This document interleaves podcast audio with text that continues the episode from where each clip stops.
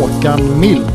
Det är ju bara att instämma med vad Håkan säger. Eh, sen jag blev förvånad att vi kör eh, två centralt. Att vi inte kör eh, 4-3-3 uppställningen och kör tre centralt när vi spelar borta på konstgräs. Matanovic, Antonio. Stort tack, bra, kul att vara här. Och det ser vi nu att det börjar faktiskt spenderas. Vad kan man ta med sig då? Jag tar med mig att Sebastian Eriksson spelade 35 minuter allsvensk fotboll. Då säger jag hej och välkomna till Kamratpodden avsnitt 2 och idag har vi med oss Stig Torbjörnsen från tryckeriägare till stjärnscout via tränaruppdrag i norska division 1. Efter att ha rekommenderat spelare som tog Rosenborg, bland annat Bjärsmyr, till Champions League och otaliga ligatitlar tog karriären honom till Norrköping där succén fortsatte. Stig har hittat spelare som sålts för hundratals miljoner. Arbetsfältet spänner över hela världen och antalet resdagar knäpper vilken handelsresande som helst på fingrarna. Efter Peking valde Stig att flytta till Göteborg och ta värvning som chefscout för IFK Göteborg, vilket vi är väldigt glada för. Vi säger hej och välkommen till Stig Torbjörnsen. Tack, tack. Håller Kjetil Wähler för 90 minuter Allsvenskan idag? Vad sa du nu? Håller Kjetil Wähler för 90 minuter i Allsvenskan idag? Nej, det tror jag inte, men han har bra tränat och han jobbar med sin kropp. Men att han kunde spela 90 minuter idag, det tror jag väl inte på. Mig. Nej, nej, han såg väldigt stark ut igår. Han är väldigt stark och han jag tror han kör något privat och har något Ja, några privat gymlektioner så han, han, han är bättre tränad än alla oss tre ihop, det är jag ganska säker på. Ja, det hade inte förvånat mig heller. Eller jag talar ju för mig då. Nej, jag, jag är väldigt trygg med att Kjetil Wähler knäcker mig totalt. Hur är läget Stig? Läget är stabilt, bara tack för intro. Det var jävligt massa bra. Jag vet inte om allt stämmer där. Det var lite, lite för mycket skryt som man ser i Norge. Men eh, jag ligger inte bakom något Rosenborgs eh, Champions League-äventyr. Men jag var med på ett Champions League-äventyr och det var i 06. Just men, det. Men, och jag började där i 06 eller 05. Så att jag ska få, få massa bra snack om Rosenborgs tid, ja det är jävligt snällt det, men jag var inte delaktig i deras Champions League-turné på 90-talet, det var jag inte. Ja just det, just det. Men du tog dit Bjärsmyr? Eh, det var en rekommendation från mig, ja. Han kom från Panathinaikos, men jag hade ju koll på honom från svenska ligan. Eh, så han eh, åkte till Panathinaikos och skulle han hem igen. Ja. Och då kom han till Rosenborg. Och det var för att jag visste vem det var från min scoutingtid i Sverige. Ja. Antonio, hur är läget med dig? Ja men stort tack, bra kul att vara här igen på Kamratgården. Vi lånar ju deras lokaler till, vi får våra egna, så det är härligt att vi kan hänga här ett tag. Ja. Men det är bra, kul att ha Stig här och kul att få prata lite grann. Jag är speciellt nyfiken av just det klubbar som har varit i Stig. Rosenborg, Norrköping, Rosenborg har ju haft en häftig resa och befinner sig i ett läge som man nästan kan känna igen Norrköping nu. På väg upp, men Mm. har fallit pladask. Ja. Man vill ju veta lite grann vad som har skett. Ja. Men ska vi börja med att kanske prata om eh, matchen igår? Va, vad säger du Stig? Varför vann inte Blåvitt? Det är säkert många, många olika orsaker det, men, men man ser ju att man, det är en match som är ganska jämn och 1-1 var ett resultat som var ganska rättvist i min värld. Och så är det ju inte min, eh, det är inte mitt arbetsfält att liksom säga vad ska gjort bättre, taktik, alltså jag har inget med det att göra så jag kan inte liksom lägga ut här på vad som skulle varit gjort annorlunda faktiskt. Jag vill inte lägga mig i det heller. Nej, nej. Antonio, vad tyckte du om matchen? Eh, nej men Stig är inne på det, jag tycker det är en 1-1 match. Eh, Mjällby har lägen första halvlek. Jag tycker de är lite mer irrationella, de är lite mer kreativa i sitt anfallsspel. Nummer 10 där tycker jag ju kom alldeles för ofta upp till straffområdet att han kunde liksom husera och eh, som tur var fick han ju väldigt få bollar. Men Mjällby hade lägenhet egentligen anser jag första halvlek leda med 2-0. Eh, duktigt, eh, bra trebackslinje måste jag ge från Mjällby. Jag tycker det var full kontroll, men det är också baserat på, jag tycker att vi hade svårt att luckra upp försvaret. Mm. Vi blev lite långa i vårt spel. Jag tycker att vårt anfallsspel inte riktigt kom igång när vi saknade Marcus Berg. Eh, det hände någonting där i andra halvlek lite lätt. Jag tycker att, eh, alltså det jag tar med mig från första halvlek, Hossam Aiesh otroligt bra. Jag tycker Mm. att han, eh, jag hade ju Hossam precis framför mig där jag satt. Men han och Alexander Jallov hade fina ambitioner. Jag tyckte det var bra spel och de fick ju liksom luckrat upp Mjällby på ett bra sätt där. Det var det som också gav oss det här 1-0 målet. Mm. Hossan bra, Jallov bra. Jag tycker att eh, Kanels inhopp var pikt. Jag tycker att eh, Nej men han gör ju, alltså det, det Kanel gör bra som jag gillar med honom, det är att den typen av spelare, han luckrar upp ett lag lite grann, att det blir lite grann, att han kan finta, men det blir lite ytor, det blir luckor, och det såg vi bland annat skottet där som var så nära, Mm. det var ju värt ett bättre öde. Som skulle varit 2-1, jag tar med mig Kanels inhopp som jag tyckte var pikt, och Ah, jag har ju alltid tjatat om att jag saknar en tia, men ja, det, det han visar på kort tid där gav mig lite hopp om att Kanel ska ju vara där uppe. Jag vill gärna inte se honom som en ren ytter, utan att han ska vara lite, lite släpande. Han är irrationell, han kan hitta på saker. Sen är det en oslipad diamant, inget snack om saker, men eh, mer, speltid, mer speltid hoppas jag. Annars matchen i sig, det var inget att ha. Eh, det, var, det hände inte mycket. Vi hade, vi hade svårt med vårt anfallsspel igår, i synnerhet. Det var två lag som gjorde varandra, eller som gjorde varandra dåligt på något sätt. Jag tyckte, inte, det var många som tyckte Blåvitt var dåliga, men jag tyckte bara snarare att det var matchen som var Mjällbys andra halvlek var ju inte bra heller. Nej. Eh, de skapade egentligen ingenting tycker jag där i andra. De var pigga i första. Mm. Men andra när de bytte ut anfalls, eh, anfallarna gick ut där så tycker jag inte de tillförde någonting. Det var ju rent ut sagt otroligt usel kvalitet i avsluten. Mm. Och det får man ju tacka för i ja. det fallet. Ja, riktigt tråkig match att kolla på. Mycket publik dock, det var kul. Det var det. Det var väldigt mycket. Jag tycker det var roligt med Simon Tern också som droppade ner en del och sådär. Han var, tyckte jag, skötte sig bra i första. Ja, ja, men vi lämnar väl den matchen där. Det finns inte så mycket mer att säga om den. Vi kan snacka massor om den, men eh, det är inte helt eh, kanske forum för att jag ska lägga ut en massa tankar om den matchen där. Så vi, vi kan lämna den och så gå vidare. Yes. Um, vi uh, har ju någon slags uh, silly season uh, igång här. Och hur, uh, alltså hur går själva processen till i jakten på nya spelare? Det, är en, sin, vi kan ju snacka om det i två timmar, men uh, vi kan inte det själva processen. Men uh, det är en process som föregår 365 dagar, är det inte det året? Jo, 365 ja. Mm. I året, så det är inte något som händer nu liksom. Men det är ju när man ser på något sätt ett arbete av en scouting, eller man kan köpa spelare i, i övergångsfönstren. Men scoutingen föregår inte nu. Mm. Så, så det, det är föregår hela tiden. Så processen är ju, igen, den, den, går hela året runt och så har det två fönster, ett långt på vintern och ett kort på sommaren. Och man då kan konkretisera det man har, det man har scoutat, det man vill ha. Så, så är det olika processer på en skandinav eller på en afrikan eller på en brasilian eller utländska spelare. Så det är, ja, det är uh, hver, hver kille eller hver spelare sin, sin process egentligen. Ja. Um, hur... Um hur tänker man, eh, om man tänker, alltså Gör man på ett annat sätt när man scoutar för startelvan jämfört med när man scoutar för framtiden? Nej, exakt samma processen. Jag kan åka till Afrika och se en kille som jag vet inte är bra nog nu, men som jag ser ett jättepotential som kanske är 17, 16, kanske möjligen också 18. Men jag vet ju att han kanske inte är bra just nu och alla afrikaner, för att bruka det, som jag har varit 130 gånger i Afrika nu. Mm. Uh, man ser ju där att det är ett potential och den behöver alltid lite tid. Så då är det en egen process då. Mm.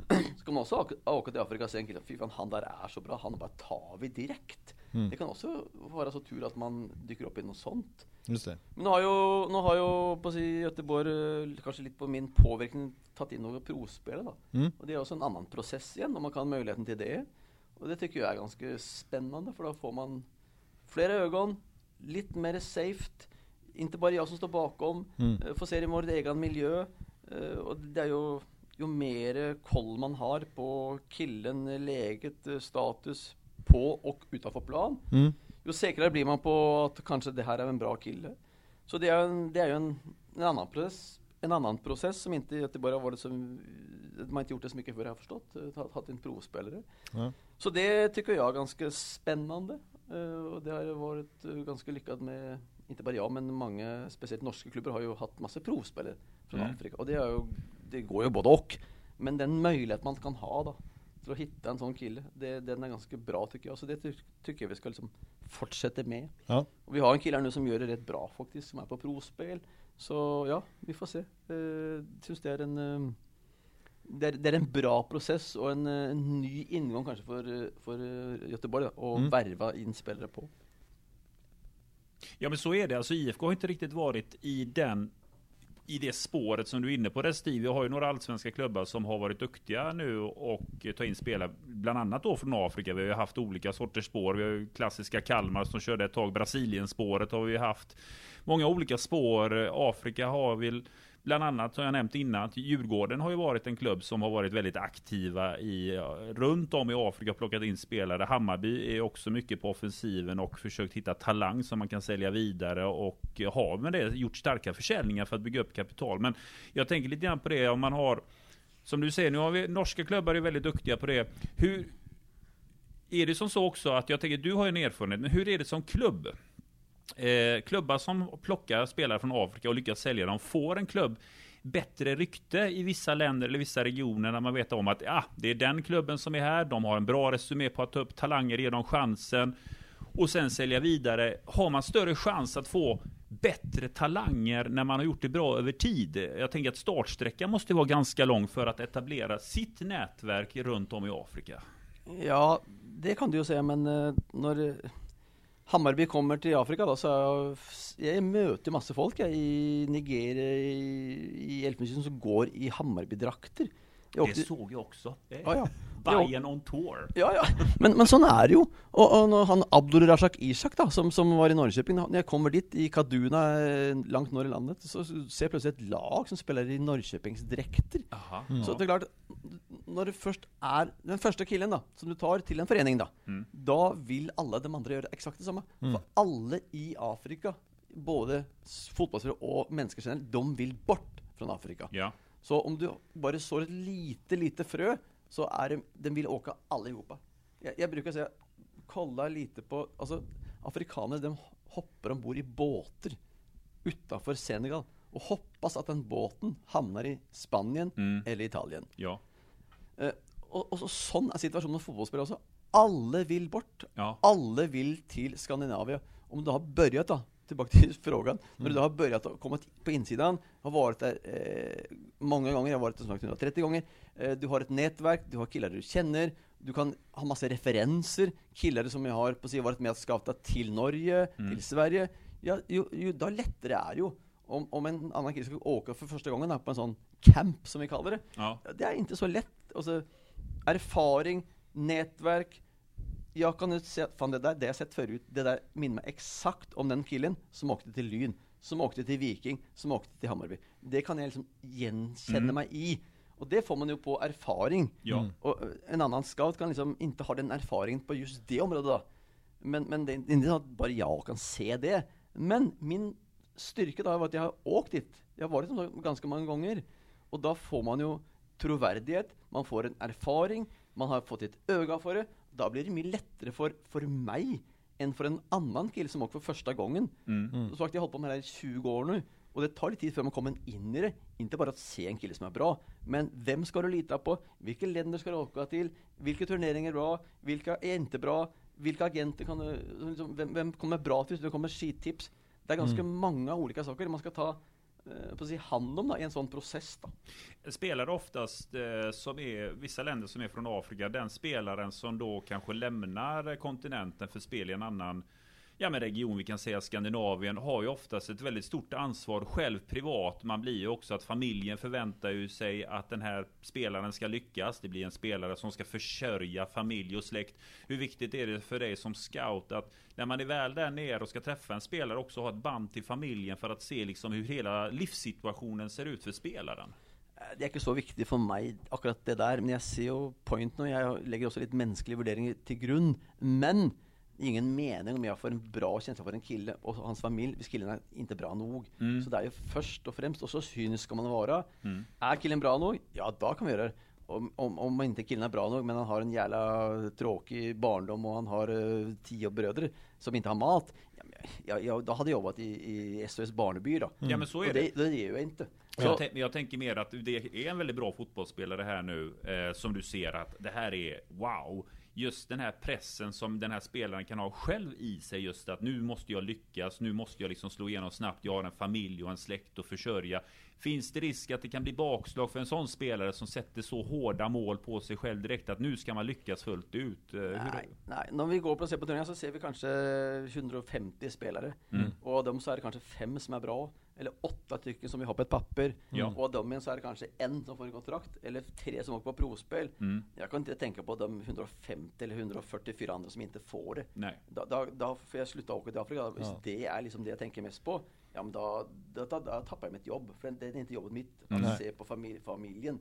Men det är jävligt kul, så när Isak nu då, mm. det är en lite annan case, men när Isak nu åker till Norrköping, jag har varit hemma hos Isak, de har ingenting. Inte ens vatten, inte toa, mm. ingenting. Och när han kommer till eh, Norrköping så får han ett nytt liv. Så skickar han lite pengar hem. Så åker han till Antelest. Så får han ännu ett knäpp. Och han ökar kanske lönen med sex gånger, sex, sju gånger. Då tycker jag det är jävligt kul att det går bra. Mm. Men jag kan inte få jag kan inte vara sån där eh, hjälpmedarbetare som ska hoppas att alla lyckas. Mm. Så pass tufft är branschen att det, nej, det går inte. Man må vara nöjd med de som lyckas. Och så vet jag att de gör det rätt bra hemma. Och de skickar massa pengar hem. Och man skickar så pass massa pengar hem att man det är inte bara farsan som får mat, det är liksom, det är liksom en hel familj. Just det. Inte en, alltså, där ligger en, en dokumentär om, om um, Madio Sané på, på eh, jag vet inte vad fan med Viaplay. Mm. Han är ju världsstjärna. Mm. Han, har alltså, han har köpt, han ger pengar till sjukhus. Mm. Han ger hans egen landsby ström som han, som han betalar. Mm. För han vill vara tacksam då mot, sina, mot sin hemstad. Men jag är ju inte i den situationen. Jag vill åka runt och hitta fotbollsspelare. Inte ladda ner ström och, och köpa skolor. Det är, inte, det är inte mitt jobb. Nej. Nej. Nej, nej, nej, precis. Det var ett långt svar på en kort fråga. Ja men det är ett intressant område. Jag har alltid varit nyfiken på hela den här processen och just det som sker i Afrika. Och det är ju ett spår som har funnits länge. Och jag tycker det är intressant att vi är där med nu på riktigt också hitta spelare. För det, det är ju onekligen som så att tittar man på världsfotbollen idag så är det ju många spelare Mm. som man har hittat på det här sättet som har fått den tiden och blomma ut i rätt miljö och bli toppklassspelare. Så är det ju. Mm. Men sen tänker jag också på en sak, eh, alltså det här med, med alltså man kan ju se uppenbara fotbollskvaliteter och sådär, men hur, hur tar du reda på om en uh, spelare är en, ja, men en bra kille som inte håller på med massa uh, Det- dumheter? Nej men det är svårt att veta det, men man provar, jag kommer lite bakom då när jag var, jag var i, ja, jag var i Kenya nu här i januari och så var jag hemma som kille och provade med killen utanför plan, Mm. käka lite mat, gå, åka hem, se hur han har det, familjen. Och så är man, hänger man ihop med en kille en vecka och så har man fått ett lite intryck om det är en bra kille Mm. eller en dålig kille. Mer än det får jag inte gjort. Omvänt, om du tar en provspelare hit då, och han är här i två, tre veckor, Ja. så har ju alla här i föreningen sett killen, snackat med killen, Mm. hur han uppför sig, hur är han på privaten. Så då får man, det är mycket mer safeare. Eh, Men där, Mm. när jag ser en fotbollsmatch så är det fotbollsspelaren jag ser. Mm. Jag ser inte människa. Men, men man hoppas ju att människa är bra. Men det går ju an att ta en liten research då. Om man är ett land och liksom möta killen privaten, på privaten. Och liksom få ett intryck då. Men Ja. det, är ju inte så jävla enkelt då. Och så blir ju afrikanare väldigt förändrade när de kommer till Europa. Får en massa pengar med händerna. Någon Mm. tappar det helt. Mm. Men Ja. andra gör det bra. Ja. Och det kan inte jag veta. Ingen Nej. kan veta det faktiskt. Nej, det är omöjligt såklart. Uh, jag menar, det, om man kommer från ingenting och helt plötsligt har allt så det kan ju göra jättemycket med huvudet naturligtvis. Ja, ja. Ehm, men ni tar inte liksom, tar, försöker ni ta referenser om man, om man tänker att man inte är i Afrika utan jag vet inte om man letar kanske ner i division 1 eller sådär? Jo men du kan ju åka till Danmark då, eller Sverige eller division 1 eller vart fan du åker då. Ta, lägg bort Afrika nu då. Så, Ja. så provar han ju liksom få referenser. Men det går mer på killen som ni är inne på då. Alltså, om vi gillar en högerback då. Så, Mm. så är det ju fler här som liksom värderar det, om man är bra eller inte. Och sen kan man ju ringa coachen, polare. Alltså Sverige är inte så jävla stort och världen är ganska liten. Mm. Så då kan man ju ta, är han spelgal, eh, sover han nätterna, äter han bra, gör han inte vad han, är han, alltså det är massor olika saker där. Det är inte så svårt att ta reda på det. Men jag tycker alltid man ska lita på sig själva, på kvaliteten på spelaren. Mm. Där måste man, liksom ska ringa, ringa på referenser, ja men då, då behövs ingen scout, då kan man bara ringa runt då. Ja. Då kan man ha coachen bara ringa runt då. Ja, Men, men det är därför det är scouts i alla klubbar, eh, bortifrån i Skandinavien, där är det lite, eh, inte så högt, eh, den, den tror inte helt på det, det på en eller annan märklig orsak då. Men det, då kan man ringa runt. ja, och det är inte riktigt Runt ditt jobb eller? Nej, jo, jag hänger med på det också, men Mm. där kan coachen ringa den andra coachen och någon har haft den på landslaget kanske och kolla lite bakgrund och sånt. Så det är ju, Mm. det är ganska enkelt att få referens om en spiller här i Skandinavien. Det är Ja. ganska enkelt faktiskt. Jag funderar lite på alltså, förmågor som, eh, ja, men som, som man kan träna upp och, och vilka förmågor liksom letar man efter. Man kan, inte, man kan inte träna på att bli längre såklart, men jag, alltså, man tänker kanske på ja, men snabbhet och spänst och, och dylikt. Alltså, vilka förmågor kan man träna upp, se, ser du? Nej, det, det är så jävla svårt. Alltså, det- är begränsat hur snabb du kan bli. Mm. Alltså, du kan bli marginalt snabbare. Du kan hoppa marginalt högre. Mm. Du kan skjuta marginalt hårdare. Men du kan ju få bättre teknik, du kan få bättre timing i ditt spel, du kan bli bättre tränad. Men att, att liksom bli jävligt bra på något som inte är bra på, det, det tror jag är ganska svårt. Mm. Och alla olika, alltså se Bodø-Glimt då. Som jag ofta refererar till, de spelar på konstgräs 4-3. Mm. De har ett spelstil och ett spelsätt som är helt unikt för dem. Mm. Och de, de tar in spelare som inte platsar dem någon ställe. Mm. Men de har ett spelsystem. Så det kan vara massor reserver där. Mm. Andra föreningar som kommer dit, som lyckas. Och det har ingenting med att de är hoppar högre, skjuter hårdare eller, eller, eller springer snabbare. Det är bara ett spelsätt som gör att den klubben där utvecklar spelare och de har inte blivit något bättre på någonting. Men spelarstilen och resultaten gör att de utvecklas och de blir sålt. Mm. Modingen har sålt en 28 stycken nu till massa, massa pengar. Mm. Det var ju bara reserver som kom dit. Mm. Och de var inte snabbare, de löp, löp inte hurtigare, de hoppade inte längre än någon andra. Men de bara spelet i sig själva Mm. gjorde att de blev bättre. Så att träna en 22-åring på att bli mycket bättre på någonting, det tror jag inte på. Det- Just det som du är inne på, och Glimt. Jag tror att vi, Östersund är väl det närmsta vi har kommit inom svensk fotboll som också hade den resan där Yes. man tog spelare som inte hade lyckats i andra klubbar men hade ett spelsystem då med Graham Potter i Östersund som gick väldigt bra och man tog sig långt i Europa League. Gemensam nämnare lite grann också det som är Bode, för jag menar Östersund sålde ju flera spelare, men det är ju inte någon egentligen som har gjort något större resumé ute i Europa som har lyckats på det sättet. Och när jag tittar på Bode Glimt som sålde många spelare, sålde bland annat sin anfallare till Milan och liknande. Det har inte blivit någon dundersuccé för spelarna ute i Europa heller, eh, om jag inte jag har helt fel. Du har helt rätt du. Det är helt rätt allt det du säger där. Men tillbaka till frågan då. De tränar de blivit bättre, snabbare, hoppa högre, skjuta hårdare. Det, det är inte det de kan träna Nej. på. Nej, nej, nej, nej. Så individen har ett nivå och så kan Mm. han självklart bli lite snabbare, springa lite längre. Men det är ju spelet i sig själva, Mm. spelsystemet, coachen, taktiken. Det är det som gör spelare bättre. Mm. Därför är det kul att hitta en spelare som inte platsar i en annan förening. Mm. Typ Samuel Adekbender då, som jag brukar varje gång. Just det. Mm. Som liksom inte, när man pla- den passar in, inte in där. Coachen är inte upp. Den spelar 4-3, han ska springa åt på kanten och slå inlägg. Nej, Samuel är inte sån typ av eh, spelare. Och samma till Bodø igen som jag säger nu. Och så Rosenborg tog bort Erik Botheim. Dagen efter stod han i, i, i, i, i Bodø-Glimt med ny kontrakt. Mm. Halv, ett år etterpå så var han sålt till Krasnodar för 8 miljoner euro. Samuel Adegbenro, han fick gå nästan gratis till Norrköping. Mm. Ett år etterpå, i Kina för 30 miljoner. Just det. Där är det 100 miljoner. Är inte som att de har blivit, att de har blivit så mycket starkare, snabbare eller bättre. Nej, nej. Det är inget med det överhuvudtaget. Men Bodø-Glimt, som du säger då. De har ett spelsätt och en spelstil som är helt unik. De har gjort det själva. Det är så som Rosenborg var för 20 år tillbaks. Mm. Sån är Bodø nu. Mm. 4-3-3 och Bodø och Rosenborg, de har ganska bra relation. Det är ganska många spelare som har gått då egentligen från Bodø till Rosenborg för det var alltid Rosenborg som var storebror. Ja. Just nu är det faktiskt Bodø som är storebror. Men där igen, spelstil, spelsätt, 4-3 och så inte minst konstgras. Mm. Som gör det här helt speciellt. Mm. Om det går dem Patrick Berg är reserv i Lans. Vikt, eh, Philip Sinkernagel är reserv i Watford. Eh, Marius Lode fall ner med Bryne. Eh, Kasper Junker gick till Japan, han spelar där faktiskt. Jens Petter Hervik som gick till Milan, är inte där längre. Nej. Ingen spelare som går därifrån spelar i sina lag Mm. ut, utomlands.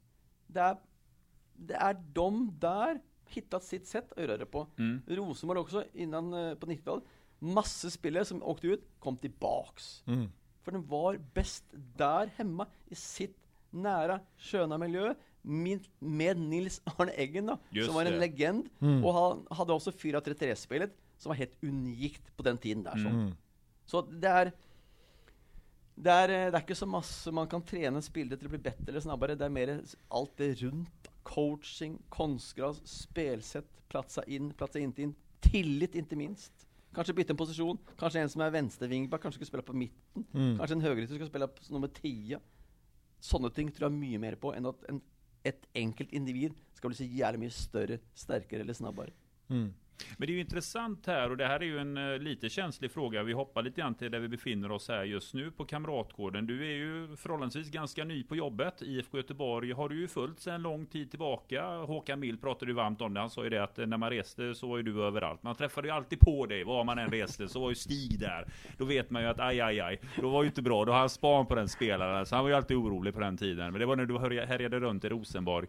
Men just det här IFK Göteborg idag och några år tillbaka är ju två olika sorters föreningar när det kommer till spelfilosofi och hur man ville driva fotbollen. När jag tänker på A-laget och den mm. tränarstab vi har idag. Just där vi befinner oss idag. Jag personligen tycker att vi har ju någon form av liten kontrast. Att vi står lite grann mellan två skolor. Vi börjar liksom blomma ut i det vi ska ha. Men en del av materialet vi har värvades ju utifrån hur vi spelade förr med lite mm. mer possession-tänk. Nu är, känns ju spelet lite rakare, lite tydligare, lite mer energi som ska vara fokuset. Eh, ditt jobb Stig här är ju att hitta spelare som ska passa in i det spelsystem vi har idag. Eh, hur lätt är det hur är det idag när man träffar spelare? Är spelaren väldigt intresserad av att veta hur en klubb spelar fotboll? Eller är de mer intresserade av att veta oh, IFK Göteborg, vilket varumärke, där vill man ju vara. Hur ser livet ut där när snacket går? Nej, det tror jag är ganska sån mixad faktiskt. Någon ja. har ju Alltså den historiken som eh, Göteborg har haft, har ju haft det ganska länge tillbaks, det är långt tillbaks. Så de som spelar idag har inte helt koll på det faktiskt. De går ju i det sista tioåret då, fram till 2000 då, kanske. Mm. Det var 90-talet också som var eh, stora sidan här, eller 80-talet faktiskt. Yep. Men, men eh, nej, historiken må man bara bruka för allt den har varit, men det, det, det, är svårt för de spelarna som är nu att tänka så mycket på det, tror jag.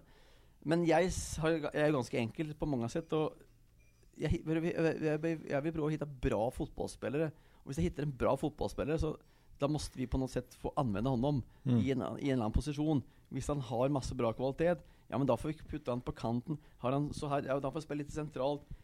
Boda har gjort exakt detsamma igen. De har ju hittat ganska dåliga spelare, eller inte dåliga, men spelare som inte har platsat då.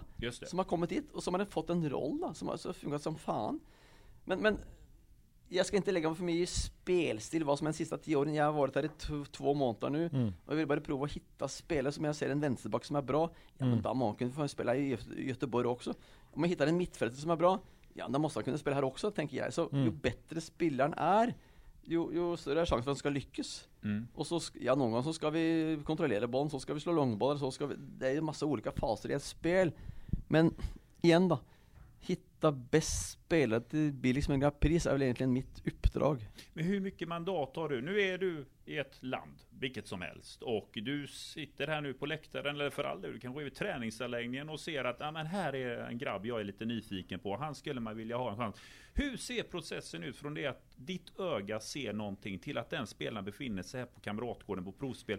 Eh, ringer du till Håkan och säger att du Håkan, jag har en grabb, han måste vi prova ger, säger han, ja men kör bara. Eller hur, hur ser en sådan process från det att du hittar till att han är här och provtränar? Är det många involverade här i Kamratgården ska tycka till? Eller är du, har du ganska mycket mandat i att han ska provträna här? Nej, jag tycker att han som är här nu, Salisu Saido, han ska provträna här, mm. så tror de litar på mig. Mm hur, hur ska de dubbelkolla? De vet inte ens vem det är. Nej. Så att Håkan eller Micke eller någon annan assisterande ska liksom Nej du det tror jag inte på Stig, för det, för det, det tror jag inte på. De har ju ingen de har ingen bakgrund för att me, mena något om det. De kan heller mena något om det, men de har ingen faglig bakgrund för att säga att det där tror jag inte på. Mm. Så där har jag ett ganska bra mandat. Mm. Och så är det är inget poäng för mig att ta in massa provspelare. Jag måste tro på det själva. Så är det. Och jag har ett jobb som som är, det är viktigare att säga nej än att säga ja, ja. tycker jag, som mm. scout då. För det gäller många agenter, ska sälja, alltså det är mycket viktigare att säga nej än att säga ja. Mm. Men, men Nej, jag har nog ett uh, mandat där och Micke och Håkan har tagit mig in här för att de tror att jag kan något och jag har mm. bevisat något, det är därför jag är här. Som inte de skulle lita på mig och, och, och tro att han provspelaren är bra nog. Ja men då är det ingen mening faktiskt. Då, då kan jag vara ett annat ställe, men inte tro på mig på det. Mm. De ska dubbelkolla en nigerian som ingen andra vet, ingen annan har sett. Nej, det, så det, det mandatet, det är ganska... Han kanske inte har en så bra spider. Nej, där, där, men när vi kommer hit då, då är vi ju, då ska inte jag, då får jag min stämma. Ja. Men då har, ju, har den varit en vecka eller två då. Så har ju tränarapparatet och Håkan, coachen, då, då får vi ju gjort en fälles bedömning. Ja. Mm. Och det kan ju gå fel. För att jag ser en kille som är bra i Afrika, så kan det vara Nej, han var inte så bra ändå. Eller ny, ny omgivning då, som gör att det inte gick så bra som jag trodde. Mm. Men det är mm. det som är poängen med provspelare. Mm. Att man faktiskt har möjligheterna. Istället för att köpa ett, ett felköp då. Så har faktiskt möjlighet att, du, han kan, kan, kan vi se på faktiskt i två veckor innan vi tar den. Mm. Ska vi göra det eller ska vi inte göra det? Det är klart vi gör det. Mm. Om jag har sett en kille och jag tycker han är bra, behöver inte vara bra, men den chansen är, är ju ganska stor att han i alla fall kan ha möjlighet för en kontrakt här då. Mm. Och den, vart, vart kan du göra det? Det är ingen andra länder, du kan inte ta en dansk på provspel. Du kan Nej. inte hitta en norrman på provspel. Ja, då ska man vara så dålig att det är ingen, Då är han riktigt kass. ja, då är det ingen Ja. mening. Nej. Och det är det som är, syns jag, är en av många faktorer da, med Afrika, att man kan faktiskt ta en kille eh, på provspel. da. Så, Mm. d- Noll risiko. Och du kan lova en kille, noll risiko. Mm. Lite nyfiken på, nu var du i Norrköping ett bra tag här. Nu är du tillbaks där vi vi är en förening som inte jobbar med konstgräs. Eh, Norrköping hade ju det. Eh, Jag brukar alltid säga det för att spelare som eh, spelar på konstgräs har kanske per automatik lite svårare att hävda sig i Europa. Men i Norrköpings fall så med lyckade försäljningar så har ju spelarna lyckats också ut i Europa eh, och tagit sig vidare och där följer min teori om att konstgrässpelare har kanske en längre sträcka än vanliga naturgrässpelare. Varför blev det så lyckat i Norrköping med de spelarförsäljningarna och eh, i flera fall gick det väldigt bra för spelaren efter Norrköping? Jag har gjort det. Nej, Siad kom ju Du skulle in. inte skryta sa du? Nej, men Siad kom ju in och ut igen. Just det. Mm. Eh, Isak Bergman eh, är ju en jävla sån en träningsprodukt och han eh, platsar ju egentligen. Han tog ni in som 15-åring. Ja, men han har inte varit så bra i Köpenhamn. Pontus Almqvist har väl inte varit så bra i Ryssland. Ja, Eh, vad mer har vi? Moberg Karlsson. Moberg Karlsson Jordan är, är i Larsson. Japan nu. Jordan Mm. Larsson. Gjorde ju bra i början i Spartak Moskva, men här i Ja. slutet så blev det inte bra den här sista säsongen. Nej, jag, jag vet inte nog om exakt det, men i Bodø, den floppar de flesta, tyvärr. Mm. Eh, det har nog lite med spelstil också att göra. Alltså konstgräs är ju en ting, men i Bodø så var det ju ett extremt eh, dikterat sätt att spela på. Du ska vara 4-3-3, alla har ett rolle, all, det är ett Mm. rollspel. Ja. I Norrköping så var det mycket mer fritt. Jens var jävligt mjuk på det och liksom, ja men fan, då måste vi spela så här. Och om du hittar en kille som är så, ja då måste vi spela så här. Så Mm. han, han var ju mer, han, han passade ju mer, alltså han fick ju spelarna till att passa in i ett system. Och han brukte inte systemet först, men han tog spelarna s- s- först. Och sen, ja men fan, då gör vi så här. Och om du kommer med en annan kille, ja men då gör vi så här. Så han tillpassade ju spelet till spelarna. Men i Bodø så är det bara spelet, vi ska spela så här och du ska spela i den rollen där. Punkt finale. Mm. Därför tror jag det är lättare för Norrköpingsspelarna och de har mer all around då. Det är är ingen rollspel i Norrköping, det var Man mer fick, ett tänka lite fotbollsspel. mer, man fick tänka lite mer kanske i Norrköping också just att det inte Ja, var och så jag ser man, statiskt. man utvecklar konstgrässpelare, inte fotbollsspelare. Man utvecklar konstgrässpelare i, i, i, i Odd, i Bodø. Mm. Och det ser ut när de går ut, det, det är svårt. Mm. Men, men Norrköping då, och konstgräset där, och lite Jens också, som jag tycker var en jävla bra coach. Så utveckla spelare, komma på lag med spelare, komma bakom huden, få tillit, eh, ge dem en chans. Han var jävligt bra på det. Mm. Och då utvecklar man fotbollsspelare, inte bara rollspelare, som Nej. ofta eh, kan vara. Silkeborg nu då, de är inte så som spelare, men de är exakt samma resa nästan. Mm. Men inte så bra. Men fan blev nummer tre i fjol i danska ligan. Mm.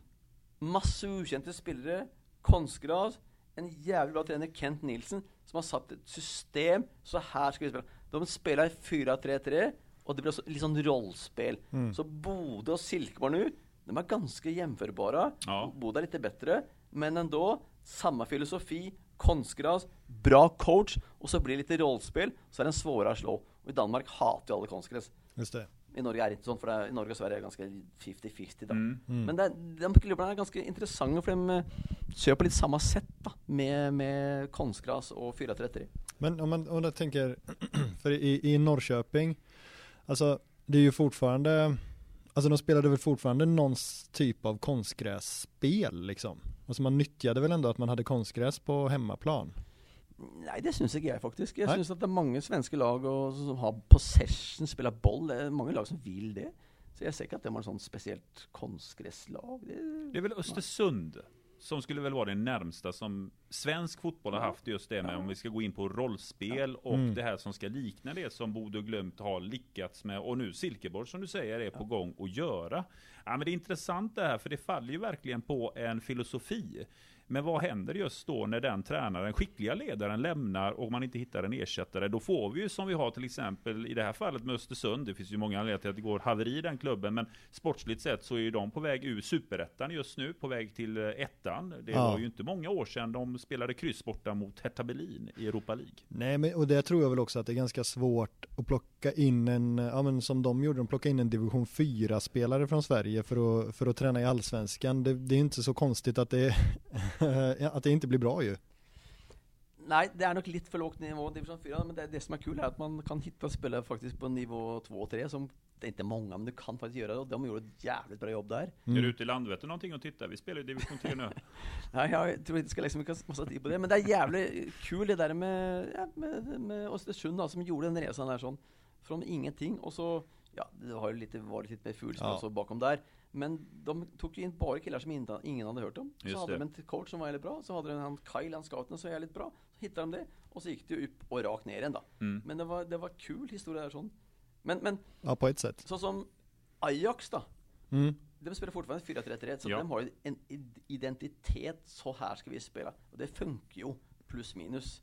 Mm. Men har de så- alltid haft den filosofin? För jag har ju upplevt Ajax, alltså om man ska prata där med organisatörer, de har ju haft en lite brokig bakgrund, men nu fick de ju tillbaks med Van der Sar är ju i klubbledningen, vi hade väl Mark Overmars var vi tillbaks också, det som avgick, men man byggde Mm. på något sätt tillbaks Ajax-linjen och sin filosofi. Och med Erik Ten Hag så hittar man ju tillbaks till 4-3-3, där man mixar med att hitta unga talanger ihop med erfarna spelare och eh, nästan, som jag anser för några år sedan, skulle vinna Champions League med sin fantastiska fotboll, säljer för miljarder men fortsätter att leverera. Vad är det som gör en sådan organisation så lyckad? Och jag menar, vi, tittar, vi sitter ju här på Kamratgården. Drömmen är ju att man ska bli en förening där vi kan sälja spelare för massa pengar. Vi snackar kanske Norrköping mått, men ändå vara med där uppe och hota på toppen. Ajax är ju för mig förebilden som lyckas på det sättet. Men vad är det som gör att man lyckas där?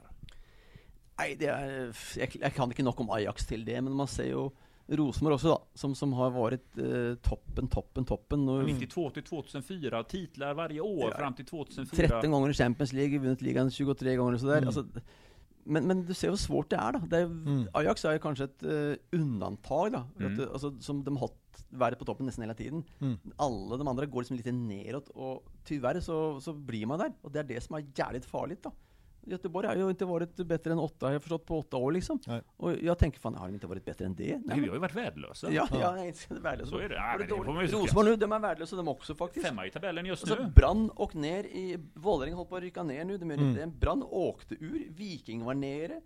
Eh, Så liksom, om, du, om du slappnar av då, en, en, en säsong eller två, så plötsligt är allt borta. Ja. Du, du, du måste vara påskruvad hela tiden, om inte så tappar allt. Och nu har man ju Göteborg liksom varit avskrudd ganska länge då. Mm. Men jag ser ju ett jättepotential i hela historiken och publiken och stan och allt då. Och som jag säger till Håkan, om inte vi kan fixa det, vem fan ska fixa det då? Vi har ju allt det som ska till. Ja, vi har inte det fansiga, härliga, bästa laget nu. Och vi har inte 100 000 miljarder i banken. Nej. Men, men vi måste liksom, när Östersund kan klara det, när Bodø kan klara det. Mm. Vad fan, då måste vi kunna klara det, är min Ja. teori då. Och så är det lätt att säga det, man ska Mm. liksom göra det också. Men det är förutsättningen som den klubben här och den byn här har.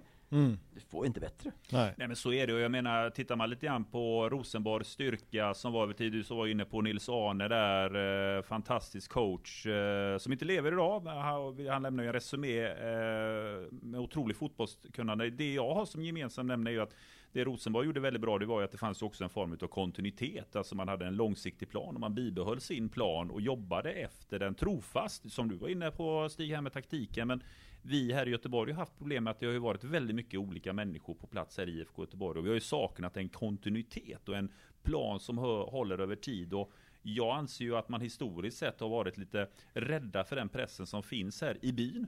Och det är att man har ju då tagit snabba beslut med att köpa Mm. spelare med pengar som man kanske inte riktigt har och inte tänkt långsiktigt som vi behöver göra. Men som man, när man är här finns det ju en anda av en optimism lite längre fram.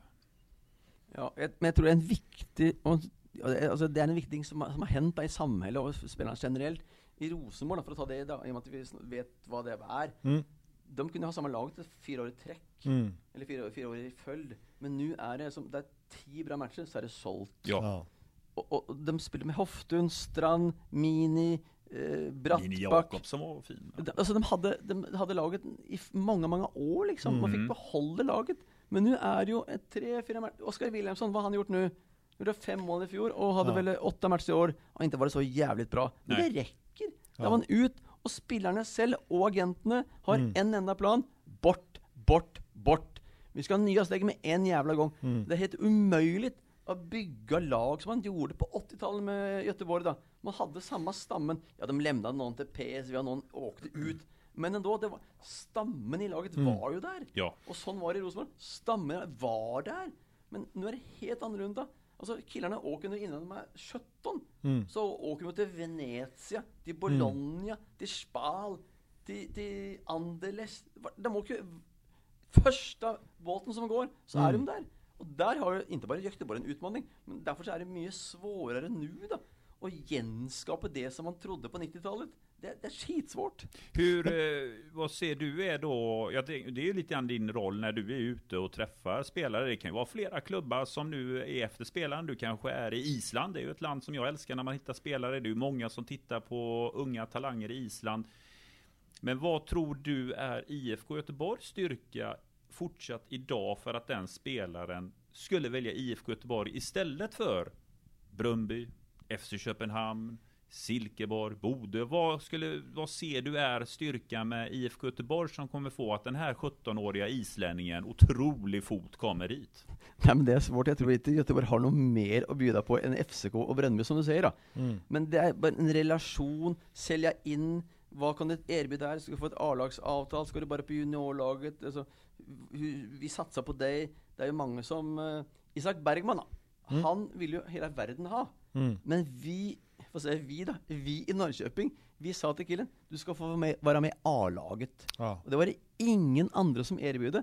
Han, han skulle gå på juniorlaget, eller 19-laget. Mm. Men fordi han fick tillbudet om A-lagsspel, jag åker till Norrköping. Mm. Så där hade Norrköping den ting där, som erbjöd killen, som inte de andra hade. Just det. Men det är, det, det är ju svårt, det, alla fightas ju, och det går lägre och lägre ner i ålder, Mm. svårare och svårare, agenter, och de tillbjuder mer och mer pengar. Så det är skitsvårt. Men alternativet är ju då, ska man vara med eller ska man inte vara med? Men om man, om man tänker sådär, om, man, om, man, om vi återknyter lite till de här lägre eh, divisionerna i kanske Sverige och, och, och Norge och Danmark och sådär. Alltså hur, om man, om man ska hitta en anfallare i svenska eller norska division 2, alltså vad, vad är det för siffror som, som skulle kunna få dig att åka till, jag vet inte, Götene eller Landvetter och, och, och kolla Landet på en... mycket, jag. Landvetter då, åker inte fraskat på flygplan. Så det, det, det vet jag för jag åker dit. Nej men hur många mål eller sådär? Nej, men det, det, det är också eh, en ting som har förändrat sig, som vi är inne på, fr- från 10-15 år tillbaks. Då kan man hitta spelare från division 2-3 Mm. som kunde gå in i Göteborg, eller i Vålerenga, eller i Rosenborg, som spelade. Mm. Nu är det helt annorlunda. Ja. Nu blir det plockat som 12, 13, 10, 12, 13-åring, så går du till akademi Ja, ja, i de stora klubbarna. Mm. Så hitta killar som är 20, 23, 24 i, i division 1 och 3. Det, det tror jag inte en skit på. det, Alltså mekanismen är helt annorlunda nu än det var för 10-15 år tillbaka. Ja. Då var det så där. Men nu är alla Alltså, hur många scouts var det på det Båstad längre? Och på det, nej inte Båstad men Halmstad. eh, Bosön. Ja, och i Bosön, just Halmstad. det. Just det. Alltså FC Nordsland hade fyra scouts där. Mm. Fyra stycken. Och de tar det med en gång. Mm. Och de är, var det, 14-15? Jo. Sån är fighten där. Och så tror vi att vi ska bygga ett lag på över tid. Så vi ska ha samma lag i åtta år. Ja, men Mm. glöm allt det där. Vi, många är jävligt romantiska. Och det ska inte säga att vi ska sluta med en gång, men, men det, det, världen är helt annorlunda än var förut. Mm. Du är inne på det här, jag tänkte för lyssnare, du nämner ju FC Nordsjälland som är en väldigt intressant klubb. Det här är ju en dansk klubb som eh, har en annan styrning idag, har en annan ägarstruktur, men det är en klubben som är otroliga på att sälja spelare. Bland annat så noterar jag ju Alexander Sörlot var ju en spelare tidigare från Rosenborgs akademi som kom upp, som sen hamnade ju i, var det inte så? Nej, det var inte så. Inte det blev jag rättad. Nej, ja, eh, Sørloth var ju, bara för att ta en snabbis, han var i Rosenborg, den trodde inte på killen. Han åkte till Bodø på lån. Skulle tillbaks till Rosenborg, den trodde inte på killen då heller. Nej. Åkte till Groningen. Mm. Så var han dålig i Groningen, men så kom FC Midtjylland Midtjylland och tog killen.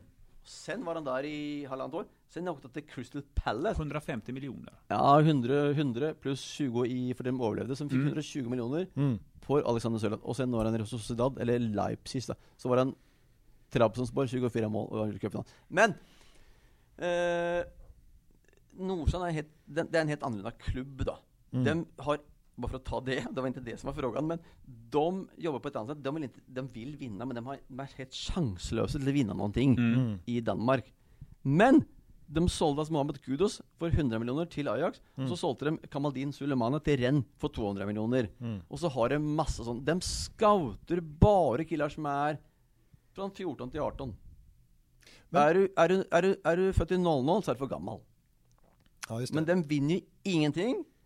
Ingen publik. Nej. Spelar på ett konstgräs som inte ens du och jag vill gå på i vanliga skor. Nej. Och, så de har hittat sin identitet då, sin, sin affärsmetodik. Mm. Men, men det är en helt speciell klubb då. Det var ju helt en avsporing, men, men bara för att... men den- när du sa FCN, så var det, det är en helt, helt speciell klubb. Ja, men det är en intressant klubb som verkligen gått sin riktning och det gör ju som du säger konkurrensen ännu hårdare när du har sådana här klubbar med den typen utav resumé som kan sälja till stora klubbar. För med all respekt, säljer man direkt till Rennes eller säljer man också bland annat till de direkt stora ligorna. Jag upplever ju att vi har ju svårt här i svenska klubbar att sälja till de attraktiva ligorna. Antingen är det ju andra ligan spelaren hamnar i eller så är det någon utav kanske ligor som Tjeckien, det kan bli Belgien i bästa fall, Holland. Vi har ju svårt att sälja våra unga spelare till de stora länderna som Spanien, England, Italien och liknande. Medan danska klubbar har ju lyckats mycket bättre där. Vad tror du det beror på? Nej, de är bättre. Ja, Det är ganska enkelt. Enkelt svar. Ja, det är, alltså, det är ganska enkelt. Danska akademierna går för att vara ett jävligt bra, Mm. de uppfostrar massor bättre spelare än vi i Norge då, ta med dem då. De, Ja. Norge är ganska bra nu faktiskt, och har Mm. ett väldigt bra A-landslag som är ganska ungt och ser jävla Ja. piggt ut. Men generellt så är den danska ligan bättre, de har färre lag i ligan. Jag tror de har en jävlig, de har 12 lag i ligan tror jag, vi har Ja. 18. Just det. 16. 16, samma i Norge. Så där är en skillnad. Det blir att toppen blir bättre, tror jag. U19-laget, den 03-gänget till Danmark, är bland de fem bästa i världen, säger Mm. de. U21-landslaget till Danmark har varit med sista fem eller sex U21 eh, euro, eh, euro för U21. Mm. Mm. Champions League, FCK har varit i, i FCK har varit i europeisk slutspel 16 år i följd. Mm. Ja. Midtjylland spelade Champions League mot Liverpool och bla bla häromdagen. Det var på pandemi tyvärr så ingen, ingen fick sett det. Mm. Brøndby har en historik. De är bättre.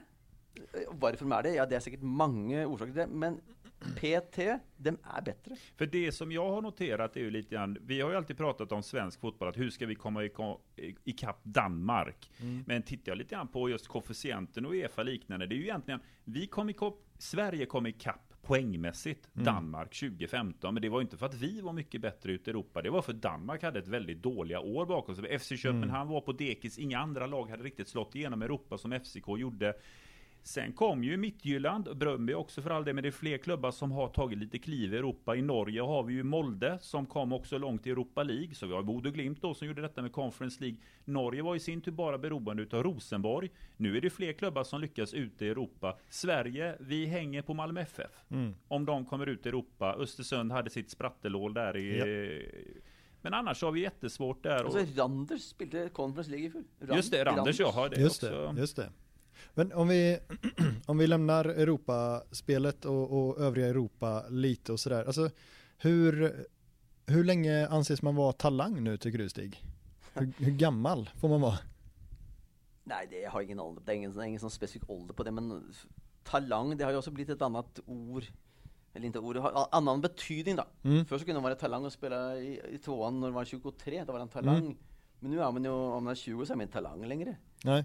Så jag har, det är ingen facit på det heller. Men som jag sa, när FC Nordsland går på ett läger i Halmstad, och det är väl eh, 08 och sådär. Mm. Ja, då är man talang. Så talang, jag, jag har inget, det är ingen facit på det. Men talang för mig är från 10 till 16, är man talang. Så är man talang när man är 18 också. Mm. Men 18, ja men fan, det är många som spelar när man är 18 i stora ligor. Mm. Man är är det. 20 så, ja, du är ju talang idag också. Men det, det, det är ingen facit på det. Nej. Det är ingen sån, du kan inte gå in i en bok och säga vad är talang? Jo, det står 21 eller 18. Alla, olika, eh, alla klubbar tänker olika på det. Mm. FC Nordsland, den, den, 00 där är för gammal. Mm. Men så andra förening i Malmö så de tar in, de har ett ganska gammalt lag. Ja, Mm. Göteborg har ett ännu äldre lag antagligen. Mm. Men det har lite med hemvändare och egna spelare och bla bla. Mm, så det, det, det är massa bakgrund för det. Men eh, nej, jag har inget svar på vad, det är ingen rätt år på, rätt, rätt uh, ålder på talang. Nej. Din tid här nu, nu är du ju ny på jobbet. Under den tiden när du var i Norrköping, du var ju där perioden 2017 till 2021 var du i Norrköping. Under de eh, åren så är det ju den allsvenska klubb som har sålt mest spelare jämfört med de andra klubbarna. IFK Göteborg kom på en fjärde plats. Eh, det var ju nästan till utklassning i värde på spelarförsäljningar. Nu i den här rollen, det är ju klart att ni pratar internt, men ser, har ni som ambitioner här nu i IFK Göteborg att spelarförsäljningen ska öka och bli ännu mer för att stärka kassan? Eller är, ser vi lite grann på att ja, men bra ekonomi men spetsa truppen, är det det som ligger i fokuset i dina ögon, eh, Stig? Nej, jag är ingen klubbledare så jag ska inte mena så mycket om det, men jag, jag säger ju att, jag, jag säger ju att klubben här är ju välskött och allting går på skinner, men vi är inte så bra i nuläget. Visst, vi ska få mer pengar att köpa spelare för, som igen i teorin gör att vi blir bättre. Mm. Vad ska vi göra då? Det är, det är två orsaker som du kan göra. Du kan spela E-cup, Europa League, eller mm. Europaspel, eller mm. du kan sälja spelare. Utöver det så är det inget mer pengar. Du får inget mer. Vi har ett budget, vi har sponsorer, du har biljettintäkter. Det går ju break-even vart jävla år. Mm. Så vi, om vi ska få mer pengar, Europa, eller sälja spelare. Mm. Och det hänger ofta ihop. Har du säljbara spelare, ja då säljer de då. Ja. har du säljbara bra spelare, ja då kommer, högre, högre, då kommer det också högre upp i tabellen. Så det hänger ihop. Så jag vill ju vara med på och pröva kanske hitta lite yngre spelare mm. som kan ha en vidaresändningspotential. Mm. Nu har vi inte så jävla många som, vi sålde en kille häromdagen, Oskar, mm. 03. Mm. Ja. Och det, liksom, ja, vi har inte så många andra salgbara, och hur ska vi då generera ännu mer pengar då? Just det. Vi måste nog ha ett, snittåldern här är 30,5. Mm. Jag tror det är lite högt. Ja, just det och jag, det är inte att det ska vara yngst möjligt, sånt som Nordsland, för de vinner ingenting och de har ingen press heller. Nej. Men, men jag tror vi må, kanske, vi må kanske byta de som går ut då, helt naturligt då, mm. åldern. Ja. Måste ju kanske prova hitta någon som är 23, inte 33. Mm. Eller 21, inte 31. Eller 25, inte 35. Mm. Men det är väl så helt naturligt att man... Jag har ingen annorlunda tänk än det. Men, men jag pushar ju sånt som det jag har varit med på att inte spela. Jag, jag, jag har en egen vinning faktiskt i om jag kan skaffa Göteborg spelare som, som genererar lite pengar också. Det tycker jag är kul för då får jag liksom gjort då får jag gjort upp för mig själva då. Just det. Mm. Så, så jag, jag vill ju på något sätt hitta, men någon gång så kanske det skulle vara smart att ta en 34-årig kille då. Mm. För att det platsar nu, eller behöver en målvakt eller vad fan det är. Så, så jag är inte emot det. Men jag vill ju egentligen hitta någon spelare som vi kan tjäna pengar på typ som var i både Rosenborg och i Norrköping. Mm. Ja, men min speciella syn på det hela, jag menar Stig, du har ett fantastiskt CV och en fantastisk bakgrund. Och jag menar, vi pratade om det, vi hade Håkan Mild här på förra avsnittet. Och det är lite grann just att var vi befinner oss just nu. För tittar man på tabellen så jag anser ju, vi anser ju att allsvenskan den har ju blivit en delad liga. Vi har samma lag i toppstriden. Så var det ju inte riktigt förr. allsvenskan var ju sådan att den var ju, det var ju ny mästare varje år. Nu börjar vi få samma topplag om och om igen som är mm. med på toppen. Och vi är ju inte riktigt med där. Vi är just nu på en sjunde plats. Vi har inte riktigt det läget att kunna gå upp och hota om en Europaplats. Det krävs ju en ganska kraftig förändring i mm. spelarmaterial. Vi behöver ha mycket mer spets. Vi har inte de ekonomiska resurserna om vi inte går och tar massa lån. Det ligger ju rätt i sin tid att ha en eh, kompetent herre som Stig här i staben tycker jag. För att det är nu vi, vi har ju, om vi har eh, god till framförhållning i detta så kan det ju också bli att vi kan hitta duktiga unga spelare, få till bättre försäljningar för att, som Håkan också sa förra avsnittet, ja, men utveckla klubben och som organisation, Kamratgården, mm. arena, projekt och liknande för att få igång driften och möjligheterna ännu mera. Jag ser ju att min personliga syn på det hela är ju att det Stig pratar om, det är det spåret vi behöver ta mm. först. Eh, för att bli sen det laget som kan värva spetsspelare för att vi ska vara topplag. När Östersund kan spela mot Arsenal borta, när Bodø kan spela mot Roma hemma, mm. när, när Leicester vinner Premier League, mm. eh, alltså, då måste vi kunna komma bättre än nummer 8, 10, 12 i tabellen. Ja, de har ju ingen bättre förutsättning än oss. De var mycket sämre faktiskt. Mm. Ja. Så när jag ser sådana ting, det gör att man är, blir motiverad, man blir taggad, och så ser man att här finns det faktiskt hopp. Ja. Mm. Norrköping också, det är egentligen en mittenlag. De spelade, blev nummer tre ett år och spelade då riktigt bara Europa League kval. Men man ser ju vad man kan få till då. Med mm. en bra spelarvärvningar, bra på si, uh, ungdom som man kan sälja lite. Då. Det hänger lite ihop igen. Har man bra spelare så får man sålt dem också. Och det Men- genererar bara mer pengar. Men vad är det, eh, vad är det bästa med att jobba som eh, scout? Det bästa är att man har hobbyn som jobb då. Eller Ja. jobben är hobbyn. Du kallar du jobbin. Kallar det det. det, det går liksom i ett då. Så Ja. det, det är det bästa. Och om jag ska säga det sämsta så är att man har, man aldrig, man har ganska goda arbetsdagar sånt sett. Men ändå så är man liksom påkopplad 24-7 Mm. Som om jag snackar med en agent innan jag lägger mig, eller jag svarar på WhatsApp innan jag somnar, eller Mm. jag ser något på datorn klockan oj, 11 igår, eller vad fan. Jag, man, alltså, man har aldrig helt fri då. Man har alltid, aldrig det. semester. Ja. Och, och jag sa lite annat, alltså, det är kanske inte det tråkigaste, men jag har inte behov för semester, men mina polare, som de åker på semester, i helgerna så är det fri, ska göra med? Mm. Nej, nu ska jag på jobb faktiskt. Så jag, jag kan ha en bra tisdag och inte göra så jävla mycket. Även om jag gör något så inte, jag är inte sliten av jobbet. Ja. Men ja, du har en hobby som ett jobb och så trivs du som fan med det. Och så har du ganska många kul fotbollsfolk, är ju bra killar tycker jag då. Jag Mm. var född och uppvuxen i en fotbollsgarderob. Men så har man det att man är påkopplad 24-7, men det gör mig ingenting. Det är livsstil för mig det här. Det har blivit det sista 20 åren. Jag har ingen familj, jag har inga barn. Och då Mm. gör det mycket lättare för mig att bara köra på. Och det här är liksom Jobbet är mig och jag är gift med ett jobb då. Ja. Eh, Hotellet, när du brukar komma till vissa hotell, är det på den nivån att receptionisten säger till dig Hej Stig innan du ens kommer fram nu eller? Nej, inte det, för jag har bokat olika hotell, men, men, eh, men nej, men det, det, jag, jag, jag trivs att resa. Mm. Jag, jag är bra till att vänta. Jag kan vara ensam över tid. Mm. Och så har jag ingen, eh, ingen rädsla för att åka till, eh, till Ivory Coast, eller Kamerun, eller Nigeria, eller Island, eller Honduras, eller vart fan det är. Jag, är- jag är ingen, ingen rädd för det. Ja. Men, men jag har ett, jag har ett mitt privatliv är så pass okomplicerat jag kan Mm. liksom åka imorgon. Hvis de kan åka till Tanzania imorgon, ja men det, det, ska jag fixa. Så bara hemma och packa lite i hvert fall, så jag får med eh, jag så måste söka visum. Ja. Och så måste jag köpa lite mala- malaria-tabletter. Så fixar Ja. jag det liksom.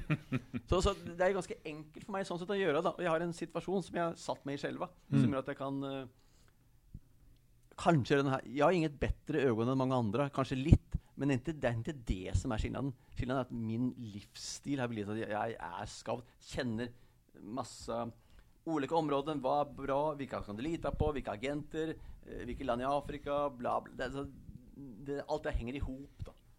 Så du och jag kan åka på match igår och säga att ja men fan jag ledde åttan så, så gillade jag sexan. Ja. Jag, jag behöver inte ha rätt på det. Kanske du har rätt på den där. där. Men vilken väg ska man gå? Vem ska man snacka med? Mm. Har du sett det här förut? Laget? Alltså, det, det är så många andra faktorer som gör om, om, man, om man lyckas eller inte. Då. Ja. Jag också misslyckats massa, så inte, jag är inte, ni kallar mig succé- succéscout här i början, men ja, jag har lyckats med något, men jag har också misslyckats med massa. Jo men generellt sett så får du siffrorna och det är klart att några affärer går ju alltid åt pipan men eh, jag menar det finns ju Det är ju starka papper som vi har just nu som sagt så det är och det vi ser fram emot din resa här i IFK och jag tror jag både talar för mig Daniel och Mm. många andra supportrar att det här är ju något, ett inslag som vi har saknat väldigt mycket att vi ska bli lite mer breda i vårt scoutingperspektiv och eh, jobba med världsfotbollen mer i omnejd än bara vissa regioner så det är ju med spänning fotbollen är ju stor och det är många som sparkar fotboll det finns ju mycket talang där ute Ja, du ser på nu är det ju liksom eh, Liverpool, jag tror de har 18 olika nationaliteter Mm. i sin trupp. Eh, du ser nu senaste fönstret nu bara häromdagen så Hammarby tog väl in någon, eh, jag kommer inte ihåg vilket land det var, men först så var det kanske en skandinav och kanske en afrikan eller två. Mm. Men nu ser man att nu är det, nu är det fransk, men i Danmark det är eh, afrikaner är ju hela världen, så är det Just det. brasilian, så är det från Balkan, så är det Island, och så är det från Mellanamerika. Så världen har blivit mycket, mycket mindre. ja. Mm. Och liksom, ska man satsa på att få en spelare från varje, nation, från varje nationalitet, jag tror inte det är något mål i sig själva. Men man, man må ju söka mycket bredare än man gjorde förut då. Mm. Tillbaka till 80-talet då, hvor det var bara folk som jobbade innanför bomringen här i Göteborg. Samma var i Trondheim, Mm. i Rosenborg. Det var ju bara tröndare på laget. En annan eh, som kom från annat ställe i, i, i Norge då. Men- det är helt snudd på huvudet. Det, det, du, kan inte, du kan drömma, och du kan vara romantisk, men det kommer inte att hända igen.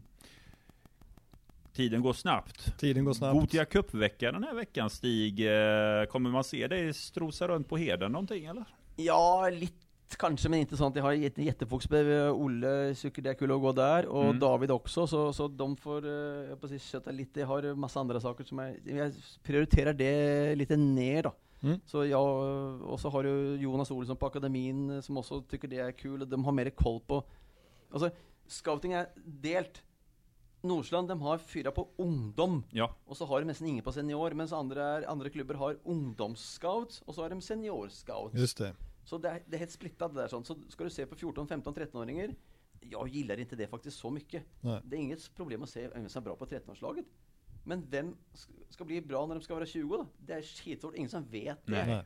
Och Därför så tar man och köper in allt för mycket spelare som är allt för unga. Så hoppas man på en. Se utlandet då. De tar ju allting in. Allt. Hoppas att en blir bra. Just det. Udinese hade en sån session ett tag där. Alla har det. Italien. Alltså, det är alltså i Venezia så är det nio isländska spelare. Oj! Ja. som inte platsar en gång på Island.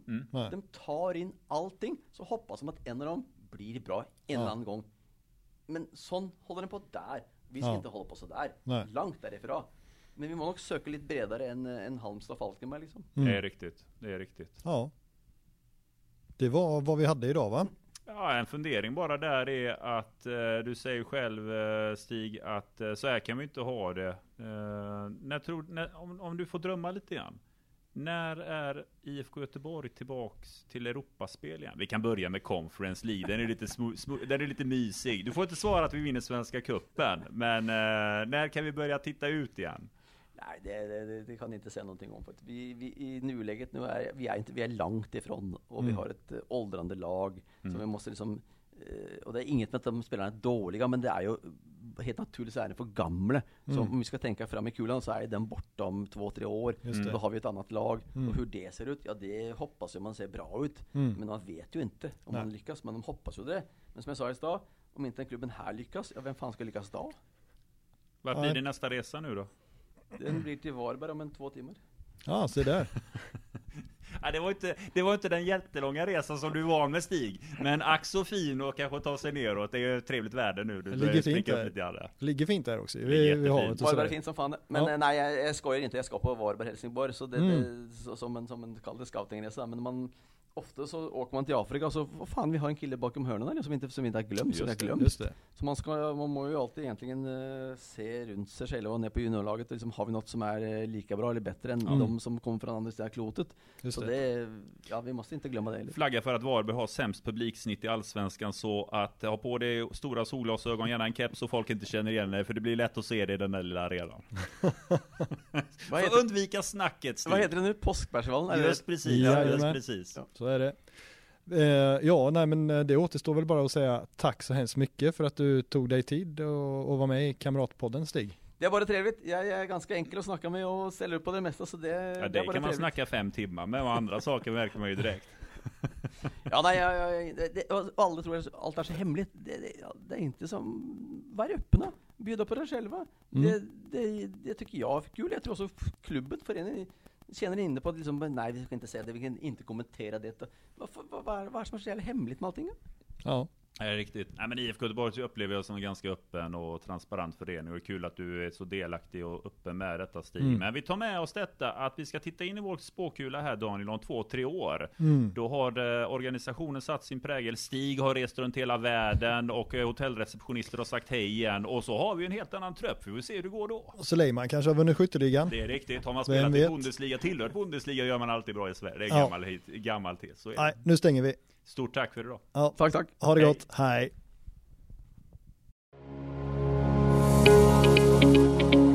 Hur är din form? Eh, jo, men uppåtgående då. Liv.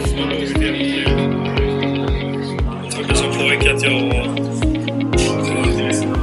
Ja, det var en dröm att spela i ett Göteborg.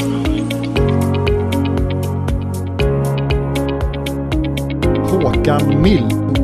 Är väl bara att instämma med vad Håkan säger. Jag har fått göra det som innan. Då får du få göra det som... Eh, sen jag blev förvånad att vi kör eh, två centralt. Att vi inte kör eh, 4-3-3 uppställningen och kör tre centralt när vi spelar borta på konstgräs.